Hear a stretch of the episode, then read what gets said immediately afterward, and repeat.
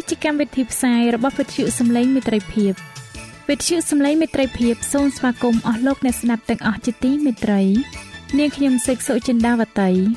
ហើយខ្ញុំបាទអង្គច័ន្ទវិជ្ជៈក៏សូមស្វាគមន៍លោកអ្នកស្ដាប់ទាំងអស់ផងដែរនៅពេលនេះយើងខ្ញុំមានសេចក្តីសោមនស្សរីករាយដែលបានវិលមកជួបអស់លោកអ្នកនាងកញ្ញាអ្នកស្ដាប់សាជាថ្មីម្ដងទៀត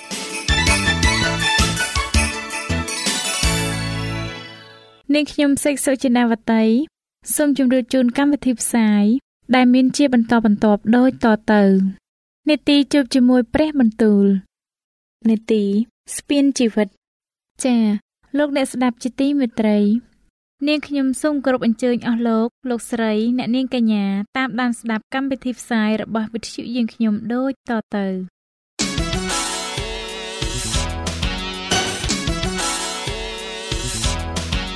នេតិ ជួបជាមួយព្រះបន្ទូល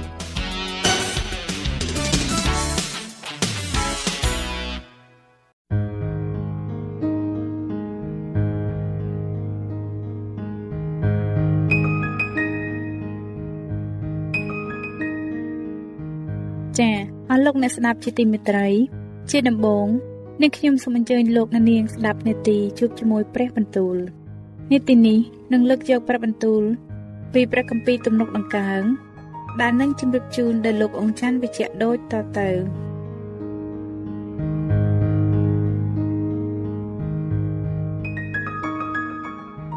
ព្រះគម្ពីរទំនុកដំកើងចំពុកទី73ប្រកាសមែនព្រះទ្រង់ប្រព្រឹត្តល្អដល់សាសអ៊ីស្រាអែលគឺដល់អស់អ្នកដែលមានចិត្តត្រចះតែឯជើងទូបង្គំបានកន្ធែកចេញហៀបនឹងផុតទីហើយ ជំហាននៃទូបង្គំ បានហៀបនឹងរអិលផ្លាត់ទៅត្បិតទូបង្គំមានសេចក្តីច្រណែនចំពោះមនុស្សអំនួតដោយឃើញសេចក្តីចម្រើនរបស់មនុស្សអាក្រក់នោះ ពីព្រោះកាលគេស្លាប់នោះគ្មានជឿចាប់អ្វីសោះគឺកម្លាំងគេនៅតែមាំមួនដដែល គេមិនមានទុកដូចជាមនុស្សធម្មតាឡើយក៏មិនត្រូវវេទនាដូចមនុស្សដទៃដែរហេតុនោះ បានជាសេចក្តីអំនួតរបស់គេប្រៀបដូចជាខ្សែច្រវាក់ពាក់នៅក ហើយគេប្រដាប់ខ្លួនដោយសេចក្តីច្រឡោតភ្នែកគេលៀនចេញដោយមានសាច់ច្រើន គេមានច្រើនលើជាងចិត្តប្រាថ្នាទៅទៀតគេចំអកលក់លើយហើយពោលជាការកំហោកំហែងដោយចិត្តអាក្រក់ក៏និយាយដោយពាក្យធំខ្ពស់គេតាំងមាត់ពោលទាស់នឹងស្ថានសួគ៌ហើយអណ្ដាតគេបង្វិលទៅមកពេញលើផែនដីហេតុនោះបានជារារបស់ទ្រង់វិលមកឯនេះក៏ផឹកសំរែងទឹកដែលពេញពេងផង គេសួរថា ធ្វើដូចម្ដេចឲ្យព្រះជ្រាបបានតើព្រះដ៏ខ្ពស់បំផុតទ្រង់ប្រកបដោយដំរេះដែរឬនេះហើយដែលហៅថាមនុស្សអាក្រក់ហើយដោយព្រោះគេចេះតែនៅដោយសុខស្រួល បានជាទ្រព្យសម្បត្តិគេចម្រើនឡើងយ៉ាងនោះ ការដែលទូបង្គំបានជំរះចិត្តហើយលាងដៃឲ្យឥតមានសៅមងនោះឥតប្រយោជន៍ទុទេត្បិតទូបង្គំត្រូវរងរំពាត់ជាដរាបរាល់ថ្ងៃ ហើយត្រូវវាយផ្ចាលរាល់តែព្រឹកជានិច្ចបើសិនជាទូបង្គំបានពោលថាអញនឹងនិយាយដូច្នេះដែរនោះឈ្មោះថា បានក្បត់ពូជពងនៃកូនចៅទ្រង់ហើយ កាលទូបង្គំបានពិចារណា ដើម្បីចង់ដឹងច្បាស់ពីសេចក្តីនេះ នោះក៏ពិបាកដល់ទូបង្គំណាស់ទាល់តែទូបង្គំ បានចូលទៅក្នុងទីបរិសុទ្ធរបស់ព្រះ ហើយបានពិចារណា ពីចុងបំផុតរបស់គេពិតប្រកបជាទ្រង់ ឲ្យគេឈរនៅកន្លែងដ៏រអិលទ្រង់ក៏បោះគេចោះទៅឲ្យត្រូវហិនវិនាសយីអើគេត្រូវអណ្ដោរធានទៅជាឆាប់អីម្លេះគេត្រូវសាបសូន្យទៅដោយហេតុគួស្ញែងខ្លាចនេះបែបដូចជាកាលណាយល់សពរួចភ្ញាក់ឡើងអោព្រះអង្គម្ចាស់អើយកាលណាទ្រង់តើនឡើង នោះទ្រង់នឹងតោះតើចំពោះរូបគេដែរដូច្នេះកាលទូបង្គំមានសេចក្តីកម្រើក្នុងចិត្តហើយមានសេចក្តីចាក់ចុចក្នុងថ្លើម នោះទូលបង្គំជាមនុស្សឆោត ហើយល្ងងខ្លៅគឺទូលបង្គំដូចជាសត្វដេរិឆាននៅចំពោះទ្រង់ប៉ុន្តែទូលបង្គំនៅជាប់នឹងទ្រង់ជានិច្ចទ្រង់បានកាន់ដៃស្ដាំនៃទូលបង្គំទ្រង់នឹងនាំទូលបង្គំដោយដំបូលមានរបស់ទ្រង់រួចនឹងទទួលទូលបង្គំចូលក្នុងសេរីល្អឯនៅស្ថានសួគ៌តើទូលបង្គំមានអ្នកឯណាក្រៅពីទ្រង់ហើយនៅផែនដីទូលបង្គំប្រាថ្នាចង់បានតែទ្រង់ទេ ឯសាច់និងចិត្តទូលបង្គំនោះនឹងសាបសូន្យទៅបានប៉ុន្តែព្រះទ្រង់ជាទីពឹងនៃចិត្តហហើយជាចំណែកមរតកនៃទូលបង្គំជាដរាបដែរត្បិតមើលអស់អ្នកដែលនៅឆ្ងាយពីទ្រង់គេនឹងត្រូវវិនាសទ្រង់បំផ្លាញអស់អ្នកដែលផាត់ចេញពីទ្រង់ឯទូលបង្គំដែលទូលបង្គំចូលទៅចិត្តព្រះនោះជាការល្អដល់ទូលបង្គំ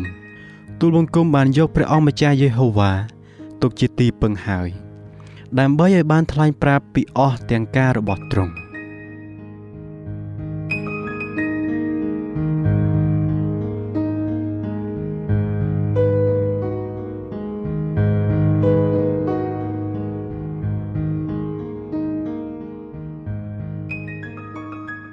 ព្រះគម្ពីរទំនុកដំកើងចំពុកទី74អោព្រះអង្គអើយ ហេតុអ្វីបានជាទ្រង់បោះបង់ចោលយើងខ្ញុំជាដរាបហេតុអ្វីបានជាសេចក្តីខ្ញាល់របស់ទ្រង់ហុយផ្សែងឡើងទាស់នឹងហ្វូងជៀមដែលនៅទីវាលរបស់ទ្រង់ដូច្នេះសូមនឹកចាំពីពួកជំនុំដែលទ្រង់រើសបាន ពីកាលចាស់បុរាណជាពួកដែលទ្រង់បានលួសសម្រាប់ជាពូជអម្បូរដែលទ្រង់នឹងក្រងជាមរតកគឺភ្នំស៊ីយ៉ូនជាកន្លែងដែលទ្រង់បានគង់នៅសូមទ្រង់លើកព្រះបាទយាងមកឯកន្លែងដែលនៅបាក់បែកជានិច្ច គឺមកឯការអាក្រក់ទាំងប៉ុន្មានដែលពួកខ្មាំងសត្រូវបានធ្វើនៅក្នុងទីបរិសុទ្ធពួកដែលតតាំងនឹងទ្រង់បានស្រែកហូនៅកណ្ដាលជំនុំរបស់ទ្រង់គេបានលើកទង់របស់គេឡើងជាទីសម្គាល់គេមើលទៅដូចជាមនុស្សដែលលើកពូថៅឡើងប្រងនឹងកាប់ព្រៃញឹកឥឡូវនេះ គេបំបាក់បំបែកអស់ទាំងក្បាច់ចម្លាក់ដោយពូថៅនិងញញួរគេបានយកភ្លើងទៅដុតទីបរិសុទ្ធរបស់ទ្រង់ ព្រមទាំងបង្អាប់ទីលំនៅ នៃព្រះនាមទ្រង់ឲ្យរៀបចោះដល់ដី ដោយនឹកក្នុងចិត្តថាចូលយើងកំតិចចេញឲ្យអស់គេក៏ដុតបំផ្លាញអស់ទាំងសាលាប្រជុំនៃព្រះ ដែលនៅក្នុងស្រុកដែរយើងខ្ញុំមិនឃើញទងរបស់យើងខ្ញុំទៀតទេក៏គ្មានហោរាណាទៀតឡើយហើយឥតមានអ្នកណាក្នុងពួកយើងខ្ញុំ ដែលដឹងជាការនេះនឹងបានដល់យូរប៉ុណ្ណាដែរអោព្រះអង្គអើយ ពួកទាស់ទទឹងនឹងឌីលថ្មេះដល់កាលណាតើពួកខ្មាំងសត្រូវនឹងប្រមាថដល់ព្រះនាមទ្រង់ជាដរាបឬហេតុអ្វីបានជាទ្រង់ដកព្រះហស្ថគឺព្រះហស្ថស្ដាំនៃទ្រង់ចេញដូច្នេះសូមទ្រង់ដកព្រះហស្ថចេញពីព្រះអរាមក ហើយបំផ្លាញគេចោះប៉ុន្តែព្រះទ្រង់ជាព្រះមហាក្សត្រនៃទូលបង្គំតាំងតែពីបុរាណមកទ្រង់ក៏ប្រោះប្រទានសេចក្តីសង្គ្រោះនៅកណ្ដាលផែនដីទ្រង់បានញែកទឹកសមុទ្រដោយឫទ្ធិរបស់ទ្រង់ក៏បានបំបីក្បាល អស់ទាំងសត្វសម្បើមនៅក្នុងទឹកទ្រង់បានកិនកំទេចក្បាលរបស់ក្រពើព្រមទាំងប្រទានសាច់វាទុកជាអាហារដល់ពួកមនុស្សដែលនៅទីរហោស្ថានទ្រង់បានវាយបំប្រេះថ្មឲ្យមានក្បាលទឹកនិងទឹកជ្រោះចេញមកក៏ធ្វើឲ្យទន្លេដែលហូរជានិច្ចបានរីងស្ងួតទៅផង ពេលថ្ងៃជារបស់ទ្រង់ហើយពេលយប់ក៏ដែរទ្រង់បានបង្កើតពន្លឺនិងដួងព្រះអាទិត្យទ្រង់បានតាំងព្រំខណ្ឌទាំងប៉ុន្មាននៃផែនដី ហើយកំណត់ឲ្យមានរដូវក្តៅនិងរដូវត្រជាក់អោព្រះយេហូវ៉ាអើយសូមទ្រង់នឹកចាំថា ពួកខ្មាំងសត្រូវបានថ្មេះតេះដៀលហើយថាសះមួយដែលល្ងីល្ងើបានប្រមាថដល់ព្រះនាមទ្រង់ហើយអោសូមកុំប្រគល់ជីវិតនៃលលោកទ្រង់ដល់សត្វព្រៃសូមកុំភ្លេចពួកមនុស្សកំសត់របស់ទ្រង់ជាដរាបឡើយសូមទ្រង់យល់ដល់សេចក្តីសញ្ញាត្បិតអស់ទាំងទីងងឹតនៅផែនដី បានពេញដោយទីអាស្រ័យនៃសេចក្តីច្រឡោតហើយអោសូមកុំឲ្យពួកអ្នកដែលត្រូវគេសង្កត់សង្កិនបានមកវិញ ទាំងមានសេចក្តីខ្មាស់នោះឡើយសូមឲ្យមនុស្សក្រីក្រហើយកំសត់ទុរគតបានសរសើរដល់ព្រះនាមទ្រង់វិញអោព្រះអង្គអើយ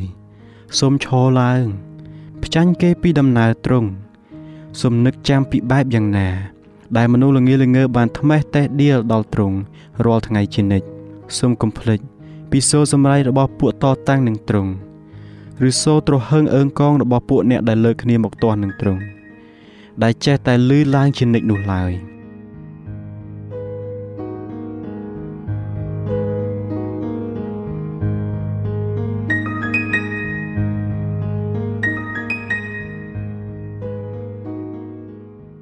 ព្រះគម្ពីរទំនុកដំកើងចំពុកទី75អោព្រះអង្គអើយ យើងខ្ញុំអរព្រះគុណដល់ទ្រង់យើងខ្ញុំអរព្រះគុណដោយព្រោះព្រះនាមទ្រង់ស្ថិតនៅជិត មនុស្សទាំងឡាយប្រកាសប្រាប់ពីការអស្ចារ្យរបស់ទ្រង់កាលណាដល់វេលាដែលកំណត់ទុកហើយនោះអញនឹងជំនុំជម្រះដោយសុចរិតផែនដីនិងអស់ទាំងមនុស្សនៅផែនដីត្រូវរលាយទៅ គឺអញដែលបានតាំងសសរផែនដីឡើងទូបង្គំបាននិយាយទៅពួកអំនួតថាកុំឲ្យអួតខ្លួនឡើយហើយទៅមនុស្សអាក្រក់ថា កុំឲ្យដំកើងខ្លួនឲ្យសោះមិនត្រូវលើកខ្លួនឡើងឲ្យខ្ពស់ឬនិយាយដោយប្រហើនឡើយត្បិតឯការដំកើងឡើងនោះមិនមែនមកពីទិសខាងកើតឬខាងលិចក៏មិនមកពីទីរហោស្ថាននោះទេ គឺព្រះដែលជាចៅក្រមទ្រង់បន្ទាបម្នាក់ចោះហើយលើកម្នាក់ទៀតឡើង ពីព្រោះព្រះយេហូវ៉ាទ្រង់កាន់ពែងមួយនៅព្រះហស្ថដែលមានស្រាកំពុងតែពពុះឡើងពែងនោះពេញដោយស្រាលាយ ហើយទ្រង់ក៏ចាក់ចេញឯមនុស្សអាក្រក់ទាំងប៉ុន្មានដែលនៅផែនដី គេនឹងផឹកសំរែងកាកក្នុងពែងនោះជាមិនខាន តែទូបង្គំនឹងប្រកាសប្រាប់ការទាំងនេះជាដរាបទូបង្គំនឹងច្រៀងសរសើរថ្វាយព្រះនៃយ៉ាកុបទូបង្គំនឹងកាន់អំណាចទាំងប៉ុន្មាននៃមនុស្សអាក្រក់ចេញ តែអំណាចរបស់មនុស្សសុចរិតនឹងបានដំកើងឡើងវិញ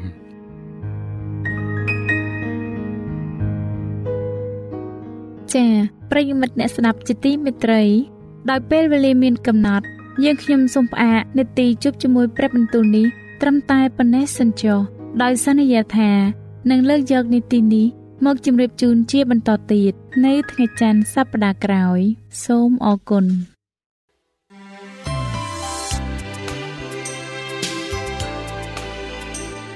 វិទ្យុសំឡេងមេត្រីភាព AWR ជាវិទ្យុដែលនាំមកពី ក្នុងការនាំព្រះរាជសាររបស់ព្រះជាម្ចាស់សម្រាប់លោកអ្នក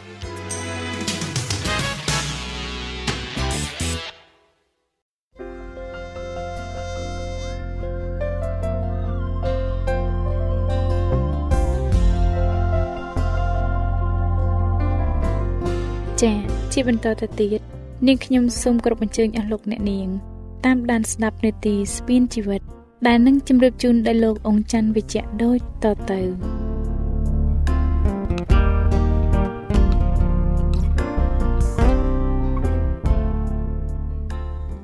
ខ្ញុំបាទសូមជម្រាបសួរអស់លោកអ្នកស្ដាប់ជាទីមេត្រីសូមឲ្យលោកអ្នកបានប្រកបដោយព្រះគុណនិងសេចក្តីសុខសាន្តអំពីព្រះដ៏ជាព្រះបិតានៃយើង ហើយអំពីព្រះអម្ចាស់យេស៊ូវគ្រីស្ទខ្ញុំបាទមានអំណរណាស់ដែលបានវិលមកជួបលោកអ្នកក្នុងនីតិស្ពានជីវិតនេះសាជាថ្មីម្ដងទៀតហើយនៅថ្ងៃនេះខ្ញុំបាទសូមលើកយកមេរៀនទី15ដដែលតែជាភាគទី2ហើយជាភាគបញ្ចប់ដែលនិយាយអំពី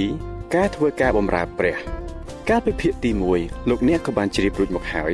ពីការងារមួយចំនួន ដែលគ្រីស្ទានម្នាក់ម្នាក់គួរធ្វើសម្រាប់ព្រះគ្រីស្ទហើយពេលនេះផងដែរខ្ញុំបាទនឹងជម្រាបជូនលោកអ្នកជាបន្តទៅទៀតពីកិច្ចការបម្រើព្រះគ្រីស្ទនេះ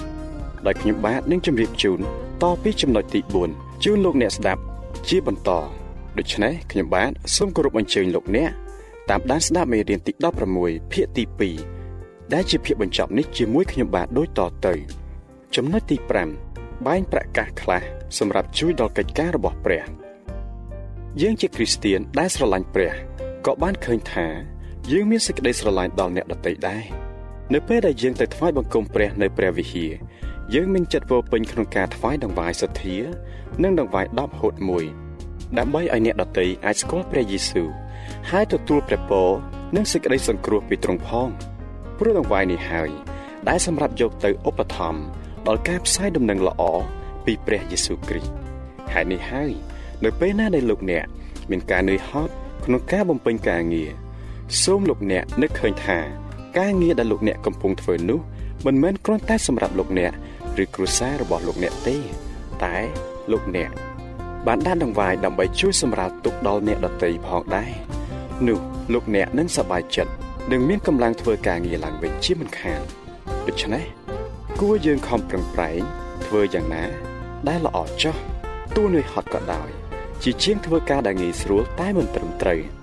ដូចជាគម្ពីរអេភេសូជំពូកទី4ខ28បានសម្ដែងថាអ្នកណាដែលធ្លាប់លួចត្រូវឈប់លួចទៅសួរឲ្យអ្នកនោះទ្រាំនឿយហត់ជាជាង ទាំងធ្វើការល្អដោយដៃខ្លួនវិញដើម្បីនឹងឲ្យមានអវ័យអវ័យចែកដល់អ្នកណាដែលត្រូវការផងយើងខំប្រឹងធ្វើការ មិនមែនឲ្យបានคล้ายទៅជាអ្នកមាននោះទេព្រោះយើងដឹងថាជីវិតយើងខ្លីណាស់ហើយទ្រព្យសម្បត្តិដែលយើងរកនោះមិនអាចជួយដល់យើងបានឡើយគឺយើងខំប្រឹងដើម្បីឲ្យបានគ្រប់គ្រាន់សម្រាប់គ្រួសារយើង និងបែងចែកខ្លះសម្រាប់ជួយដល់អ្នកណា ដែលកំពុងខ្វះខាតឬត្រូវការចាំបាច់លោកអ្នកអាចជួយដល់អ្នកមានបញ្ហាដោយផ្ទាល់ខ្លួនលោកអ្នកហើយជួនកាលទៀតលោកអ្នកអាចជួយដល់អ្នកដទៃដោយមិនដឹងខ្លួន គឺនៅពេលដែលលោកអ្នកដាក់ដង្វាយប្រាក់នេះឯងប៉ុន្តែគង់នៅតែមានការសប្បាយដោយលោកអ្នកបានធ្វើតាមព្រះハរតីព្រះហើយព្រះទ្រង់ក៏បានប្រទានការងារថ្មីមួយដល់លោកអ្នកដើម្បីលោកអ្នកអាចឈប់សម្រាកនៅថ្ងៃសៅរ៍បានព្រះនឹងប្រទានពរដល់លោកអ្នកប្រសិនបើលោកអ្នកយកទ្រង់ធ្វើជាធំបំផុតបើសិនជាលោកអ្នកយកទ្រង់ជាធំបំផុតដូចជាព្រះគម្ពីរម៉ាថាយជំពូកទី6ខ33បានចែងថា ចូលស្វែងរកនគរនិងសេចក្តីសុចរិតនៃព្រះជាមុនសិនទើបគ្រប់របស់ទាំងនោះនឹងប្រទានមកឲ្យអ្នករាល់គ្នាថែមទៀតផងអស់លោកអ្នកស្ដាប់ជាទីមេត្រី មានមនុស្សជាច្រើន ដែលតែងតែភ័យខ្លាចចំពោះចៅហ្វាយនាយរបស់ខ្លួនដែលបានគិតថាបើគេធ្វើឲ្យចៅហ្វាយនាយអាក់អន់ចិត្តឬមិនធ្វើតាមបញ្ជាគាត់នោះ គេនឹងត្រូវបាត់បង់ការងារក៏នឹងត្រូវខ្វះអាហារចិញ្ចឹមជីវិតដែររហូតដល់កូនចៅខ្លះ ខ្លាចនឹងគោរពចៅហ្វាយនាយជាជាងឪពុកម្ដាយទៅទៀតមិនជាដូច្នោះព្រោះចៅហ្វាយនាយឲ្យប្រាក់ខែដែលយើងអាចចិញ្ចឹមជីវិតបានរាល់ថ្ងៃ តែព្រះបានបង្រៀនយើងថាទ្រង់អាចប្រទានដល់យើង បានច្រើនជាងចៅហ្វាយនាយនៅលោកីយ៍នេះទៅទៀតទើបទ្រង់ឲ្យយើងកោតខ្លាចដល់ទ្រង់ជាជាងមនុស្សព្រះយេស៊ូវទ្រង់មានបន្ទូលថាកុំឲ្យខ្លាចចំពោះពួកអ្នកដែលសម្លាប់បានតែរូបកាយតែពុំអាចនឹងសម្លាប់ដល់ព្រលឹងវិញ្ញាណបាននោះឡើយ ស៊ូឲ្យខ្លាចព្រះអង្គវិញជាជាង ដែលទ្រង់អាចនឹងធ្វើឲ្យទាំងព្រលឹងនិងរូបកាយវិនិច្ឆ័យទៅក្នុងនរកផងដកស្រង់ចេញពីព្រះគម្ពីរម៉ាថាយជំពូកទី10ខ28បាទគឺមានតែទ្រង់ទេ ដែលអាចជួយយើងបាន ការប្រឈមមុខតវ៉ាជាមួយអ្នកដែលមានឋានៈខ្ពស់ជាងយើងនោះ មិនមែនជាការងាយស្រួលទេ តែបើស្គាល់អំណាចនិងសេចក្តីស្រឡាញ់របស់ព្រះច្បាស់លោកអ្នកអាចទុកចិត្តលើទ្រង់ ហើយលោកអ្នកនឹងបានឃើញថាទ្រង់នឹងជួយដល់លោកអ្នកយ៉ាងពិតប្រាកដមែនជួនកាលអ្នកគ្រីស្ទៀនធ្វើការដោយភាពតានតឹងព្រោះមានការបៀតបៀនពីអ្នកធ្វើការដូចគ្នា ពេលខ្លះគេសើចចំអឲ្យថាយើងជាអ្នកជឿព្រះបរទេសពេលខ្លះទៀតគេបង្ខំយើងឲ្យទទួលទានស្រាឬបារីឬធ្វើអំពើមិនសុចរិតដូចជាលួចកេងបន្លំ និងកុហកជាដើមពេលនោះ លោកអ្នកគួរតែខំអត់ធ្មត់ហើយនៅតែបន្ទាបខ្លួនដាក់គេជានិច្ចដោយសូមឲ្យព្រះប្រទានប្រាជ្ញាដល់លោកអ្នកដើម្បីដោះស្រាយបញ្ហានោះផងធ្វើដូច្នោះគេមិនគ្រាន់តែឈប់មើលងាយលោកអ្នកនិងនាំលោកអ្នកឲ្យប្រព្រឹត្តខូចអាក្រក់ប៉ុណ្ណោះទេ តែគេអាចនឹងទទួលព្រះយេស៊ូវដោយការបន្ទាបខ្លួននិងអត់ធ្មត់របស់លោកអ្នកទៀតផង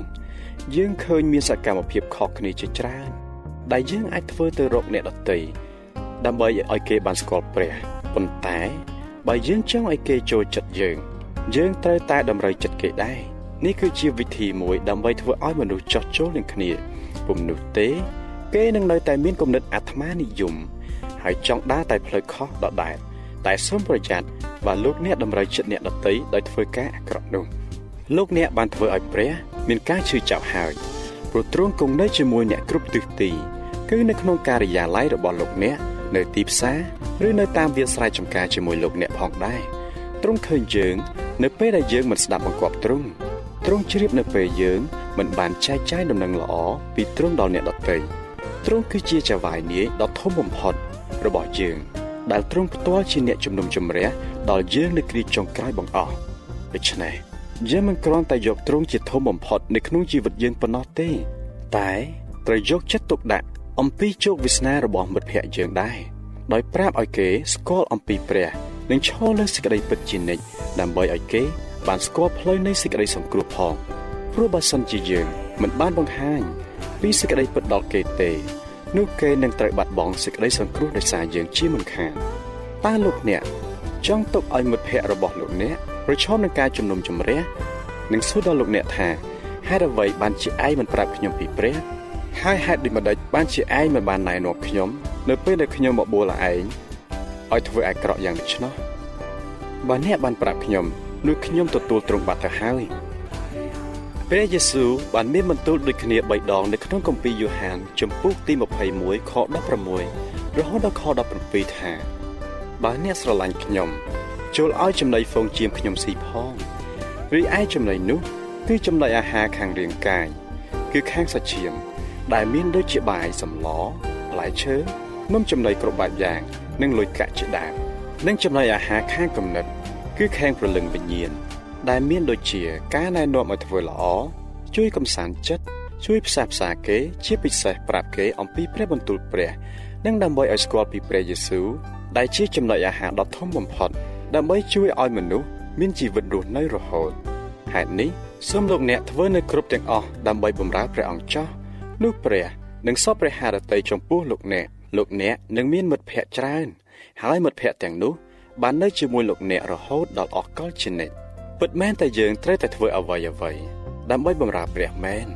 តែដើម្បីឲ្យអ្នកដតីស្គាល់និងជឿដល់ព្រះយេស៊ូវនោះយើងត្រូវតែថែរក្សាអាកប្បកិរិយាឲ្យបានថ្លៃថ្នូរជាពិសេសចេះគោរពនៅវប្បធម៌និងប្រពៃណីសង្គមដែលមិនប្រឆាំងនឹងព្រះគម្ពីរ គឺត្រូវមានអត្តចរិតថ្លៃថ្នូរនិងចេះគោរពដល់មនុស្សដទៃមិនថាចាស់ឬក្មេងអ្នកមានឬអ្នកក្រនោះឡើយជាពិសេសត្រូវលើកតម្លៃប្រពៃណីខ្មែរឲ្យខ្ពស់ក្នុងការរើសគូស្រករបាទលោកអ្នកធ្វើឲ្យគប់ចិត្តអ្នកដទៃដោយយកព្រះគម្ពីរជាគោលការណ៍នោះលោកអ្នកបានបង្ហាញស្ថានសួគ៌ដល់មនុស្សហើយទុយទៅវិញបើលោកអ្នកធ្វើឲ្យអ្នកដតីមិនសប្បាយចិត្តវិញនោះ គឺលោកអ្នក បានធ្វើរបងបាំងមិនឲ្យអ្នកដតីស្គាល់ព្រះយេស៊ូវហើយសូមជួយបើកទ្វារជាជាងធ្វើរបងរាំងបាទត្បិតព្រះគម្ពីរករិនថូសទី1ជំពូកទី15ខ58បានចែងថា បងប្អូនស្ងួនភ្ងាអើយចូលកាន់យ៉ាងខ្ជាប់ខ្ជួនដោយឥតរង្គើទាំងធ្វើការព្រះអង្គម្ចាស់ឲ្យបរិបូរជាដរាបចុះដោយដឹងថាការដែលអ្នករាល់គ្នាខំប្រឹងធ្វើនៅក្នុងព្រះអង្គម្ចាស់នោះមិនមែនឥតប្រយោជន៍ទេ បាទអស់លោកអ្នកស្ដាប់ជាទីមេត្រីមុននឹងបញ្ចប់មេរៀននេះខ្ញុំបាទសូមជូននូវសំណួរខ្លះសម្រាប់លោកអ្នកធ្វើជាការពិចារណា សំណួរទី1បើអ្នកជាគ្រីស្ទៀនហើយធ្វើការខ្ជាខ្ជានោះតើអ្នកបានលើកដំកើងព្រះនាមព្រះឬទេព្រោះអ្វីសំណួរទី2ដើម្បីបម្រើព្រះតើលោកអ្នកត្រូវជាវៀងការងារអ្វីខ្លះសំណួរទី3នៅពេលធ្វើការងារលោកអ្នកក៏អាចប្រាប់ពីសេចក្តីសង្គ្រោះ របស់ព្រះដល់អ្នកដទៃបានដែរតើលោកអ្នកគួរប្រាប់គេដោយរបៀបណាសំណួរទី4តើអ្នកគួរចំណាយប្រាក់ក្នុងការបម្រើកិច្ចការព្រះឬទេព្រោះអ្វីសំណួរទី5បើអ្នកមានអ្នកណាម្នាក់មកបង្ខំឲ្យអ្នកឈប់ជឿព្រះយេស៊ូវតើអ្នកត្រូវធ្វើតាមគេ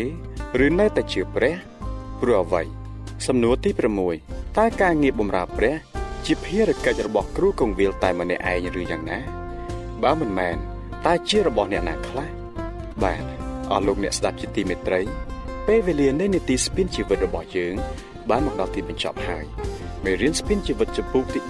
16ដែលនិយាយពីការធ្វើកិច្ចការបម្រើព្រះនៅពេលនេះក៏សន្មតថាចប់ដោយបរិបូរណ៍ហើយដែរហើយខ្ញុំបាទនឹងវិលមកជួបលោកអ្នកម្ដងទៀតនៅក្នុងនីតិរបស់យើងលើកក្រោយដោយនឹងនាំនៅចំពោះទី17មកជូនលោកអ្នកជាបន្តទៀតបាទដូច្នេះ សូមឲ្យព្រះជាម្ចាស់ប្រទានពរដល់អស់លោកអ្នកបងប្អូនទាំងអស់គ្នាសម្រាប់ពេលនេះខ្ញុំបាទអង្គច័ន្ទវិជាសូមអរគុណនិងសូមជម្រាបលាសូមព្រះប្រទានពរចា៎អស់លោកអ្នកស្ដាប់ជាទីមេត្រីដោយសារពេលវេលាមានកំណត់យើងខ្ញុំសូមផ្អាកនីតិស្ពានជីវិតនេះត្រឹមតែប៉ុណ្្នឹងសិនចុះយើងខ្ញុំនឹងលើកយកនីតិនេះមកជម្រាបជូនអស់លោកអ្នកជាបន្តទៅទៀត នៅថ្ងៃពុធសប្តាហ៍ក្រោយ ចាសសូមអរគុណ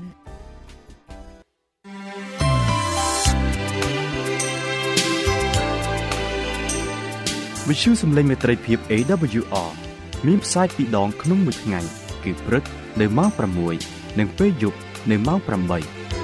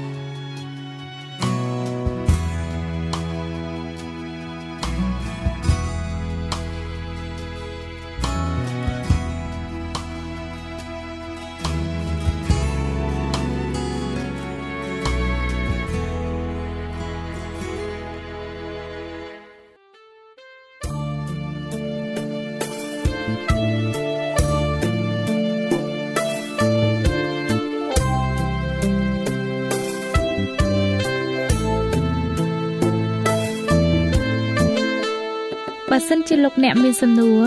ឬសំណុំពរអ្វីសូមតាក់ទងមកការិយាល័យវិទ្យុយើងខ្ញុំ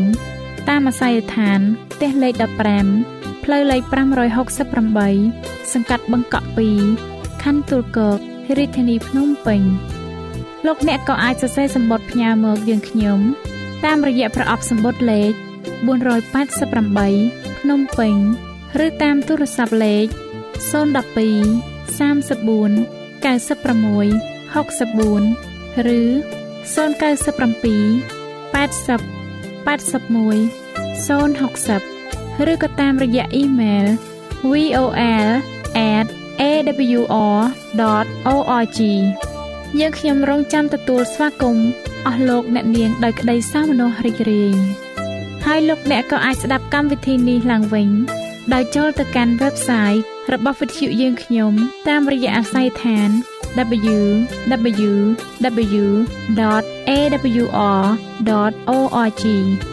លោកអ្នកនាងកញ្ញាជាទីមេត្រី កម្មវិធីផ្សាយរបស់វិទ្យុសំឡេងមេត្រីភាពនៅពេលនេះសូមបញ្ចប់តែប៉ុណ្ណេះ